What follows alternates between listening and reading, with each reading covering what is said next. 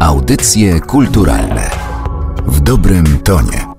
Przy mikrofonie Katarzyna Oklińska, dzień dobry. Dziś porozmawiamy o pięknie. Odwiedziny, rozmowy o designie to książka, która stała się pretekstem do naszego dzisiejszego spotkania z Aleksandrą Koperdą, autorką tej publikacji. Dzień dobry. Dzień dobry.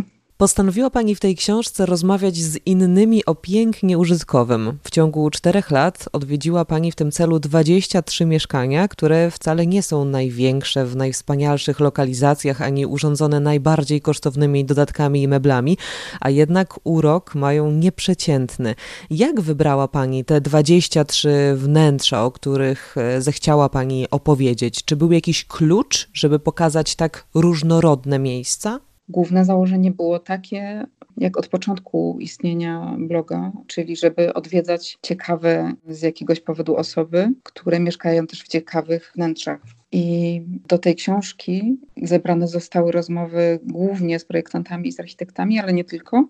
Są tam też mieszkania osób, które zajmują się zupełnie czymś innym w życiu zawodowym ale część z nich również jest zaprojektowana przez kogoś. Klucz był taki też, żeby nie były to mieszkania, które mamy szansę oglądać, czy to w gazetach wnętrzarskich, czy na innych stronach związanych z designem czyli też, żeby nie były to przestrzenie takie, jakie właśnie w tych mediach zazwyczaj widzimy, czyli takie idealne, trochę bezosobowe. Te sesje nie były stylizowane. Wszystko, co widzimy na zdjęciach, to po prostu tak y, normalnie jest.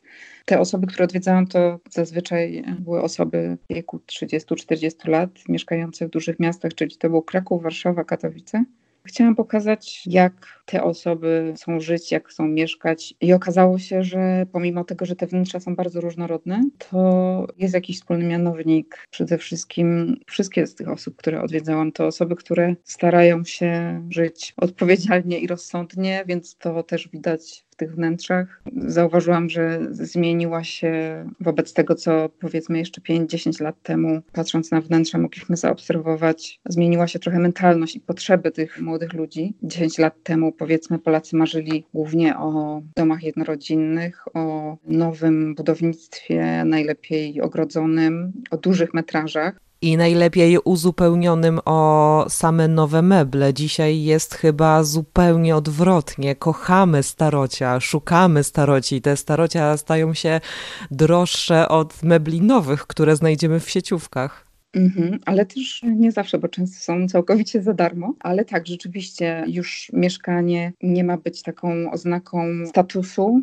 tylko po prostu osobowości. Tego, kim jesteśmy. Tak. Ludzie, których odwiedzałam, to zazwyczaj były mieszkania o małym metrażu, często też wynajmowane, co też jest taką widoczną zmianą, czyli to mieszkanie wynajmowane po pierwsze jest wynajmowane dlatego, że jest to świadoma decyzja i decydują się na to, ponieważ nie chcą wiązać się na wiele lat kredytem, ale też nie mają potrzeby posiadania tego swojego mieszkania i często wynajmują daną przestrzeń 5-10 lat. Te mieszkania wynajmowane przestają już być traktowane po macoszemu.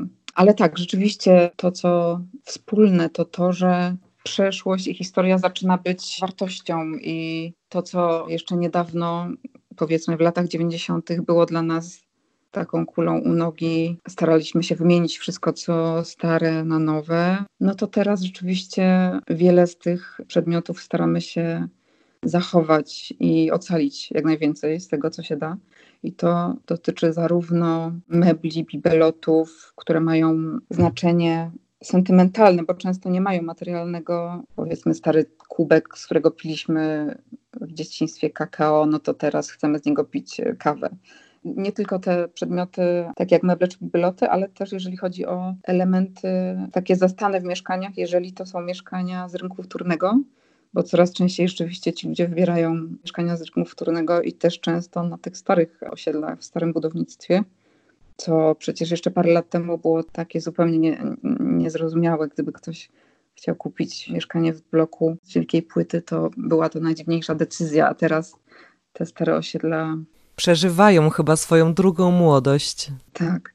Ta książka to nie tylko zbiór rozmów z 23 rodzinami i osobami, którym zależy na pięknie we własnym wnętrzu.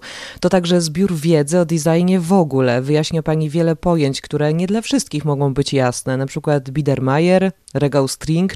Daje też Pani rady, które można wykorzystać w swoich wnętrzach. Moim zdaniem to czyni tę książkę ponadczasową. No tak, zdecydowałam się do każdych odwiedzin dołączyć jakieś małe treści dodatkowe, czyli albo opowiedzieć co nieco o jakimś klasyku, na przykład krześle, czy, czy fotelu, czy lampie, która w danej przestrzeni jest, albo też właśnie o jakimś stylu, czy rzeczywiście stworzyć jakiś zestaw prostych porad, które mogą się przydać komuś, kto planuje jakiś mały remont. W książce można znaleźć e, wiele rad e, pani, ale również pani rozmówców. Na przykład postaw na podłogę, bo to serce domu i całego wnętrza. E, proszę powiedzieć, czy według pani jest jakiś zakres wiedzy, który każdy człowiek urządzający swoje mieszkanie powinien posiąść, albo chociaż garść rad, które powinien sobie wziąć do serca przed podejmowaniem kluczowych decyzji?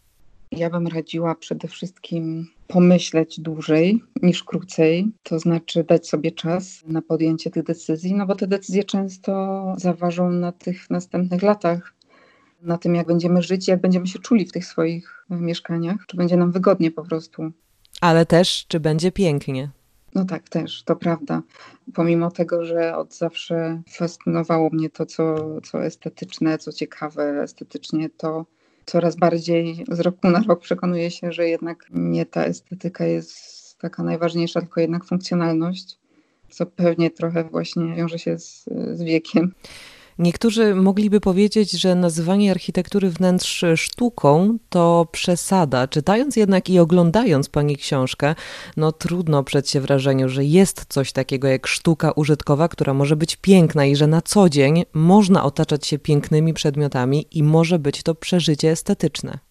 Na pewno w Polsce jest nam jeszcze daleko do tego, żeby wszystkie mieszkania wyglądały pięknie i to pewnie jest wynik wielu różnych rzeczy, jakichś uwarunkowań historycznych chociażby, czyli wojen, emigracji, komuny, a potem lat 90., które były takie estetycznie bardzo ryzykowne, trudne i też na pewno jest to powód braku edukacji trochę, tego, że u nas jednak nie zwraca się w szkole uwagi na zajęcia plastyczne, tak dużej uwagi i nie stara się rozbudzać tej estetycznej wrażliwości, ale no zdecydowanie jest tak, że jeżeli otaczamy się tym, co nam się podoba, no to żyje nam się lepiej. To myślę, że ciężko z tym dyskutować. Tylko dla każdego to piękno znaczy coś innego. I tak jak widzimy właśnie w tej książce, no te wnętrza są bardzo różne ale widać, że każda z tych osób mniej lub bardziej stara się w tych wnętrzach stworzyć takie miejsca, które sprawiają, że czują oni się w nich dobrze, no, są obiektywnie ładne i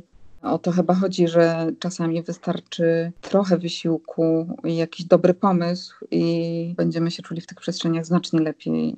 Polsce nadal jest tak, że ilu Polaków, tyle pomysłów na wnętrze i nie ma w tym momencie takiego jednego określonego stylu polskiego. Tak, który mógłby nam się kojarzyć z polskim domem.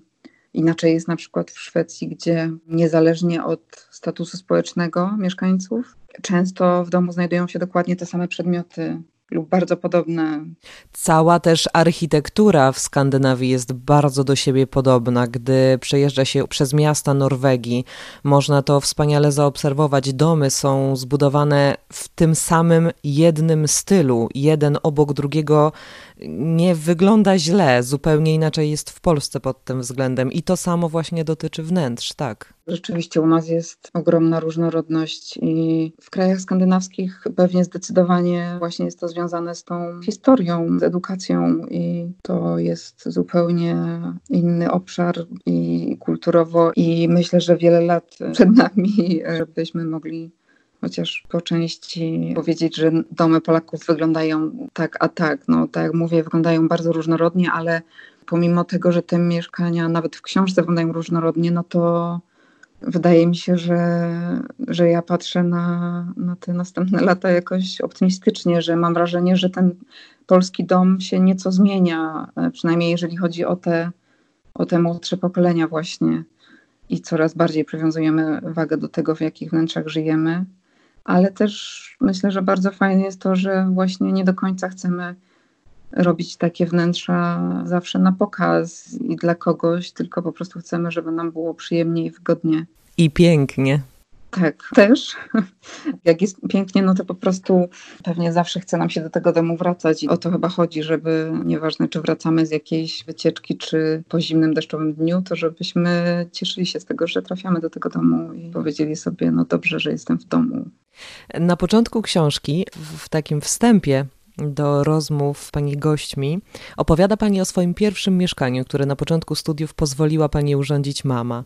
Jak pani wspomina, były to czasy, gdy internet raczkował, a sklepy z designem w Polsce właściwie nie istniały. A jednak udało się pani stworzyć kolorowe wnętrze, które, widzę to oczami wyobraźni, przerastało w tamtych czasach szaro-ponure mieszkania Polaków, którzy pewnie nie mieli takiej wyobraźni jak pani. Dążę do tego, że piękno użytkowe od zawsze było dla pani ważne i że można je stworzyć na przykład mimo braku środków. Tak, to prawda. To mieszkanie rzeczywiście było bardzo, bardzo spe specyficzne i jak sama sobie teraz je wyobrażę, to myślę, że aż dziwne, że, że dobrze mi się tam żyło i, i uczyło, bo rzeczywiście było dosyć szalone, jeśli chodzi o, o kolorystykę ale to zaczęło się już nieco wcześniej, kiedy to już jak byłam mała, to lubiłam w swoim tak zwanym małym pokoju, mieć wszystko tak, jak e, chciałam. I rzeczywiście mama nie, nie opanowała. I ja wychowałam się na Śląsku, więc było to takie typowe osiedle bloki wybudowane w 80 roku, przemysłowy krajobraz, parę metrów dalej szkoła, sklep, mój blok i trzy inne bloki były ułożone w taką podkowę, pośrodku której znajdowała się nie wiedzieć czemu modernistyczna willa takimi, tak, bez ogrodzenia, z takimi krętymi schodami, na których zawsze przesiadywaliśmy z dziećmi z podwórka.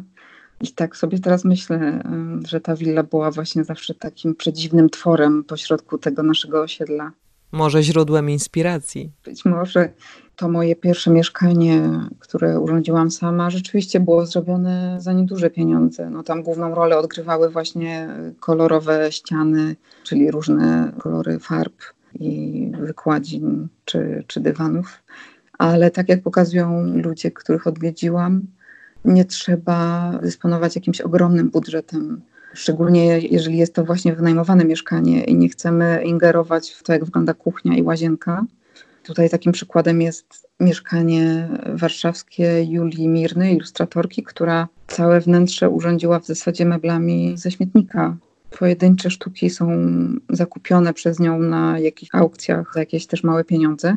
Chyba jedynym nowym meblem jest łóżko i fotel do pracy a całość wypełniona jest rzeczywiście tymi, tymi meblami, które udało się jej gdzieś upolować. Ale wystarczą też czasami proste triki typu w jednym mieszkaniu zamiast listew podłogowych, które bywają dosyć drogie, szczególnie jeżeli chcemy zastosować te drewniane. Listwa została wykonana z taśmy PCV, takiej czarnej taśmy, którą kiedyś stosowano w łączeniu właśnie podłogi i ściany w szkołach czy szpitalach, chyba dalej się to stosuje.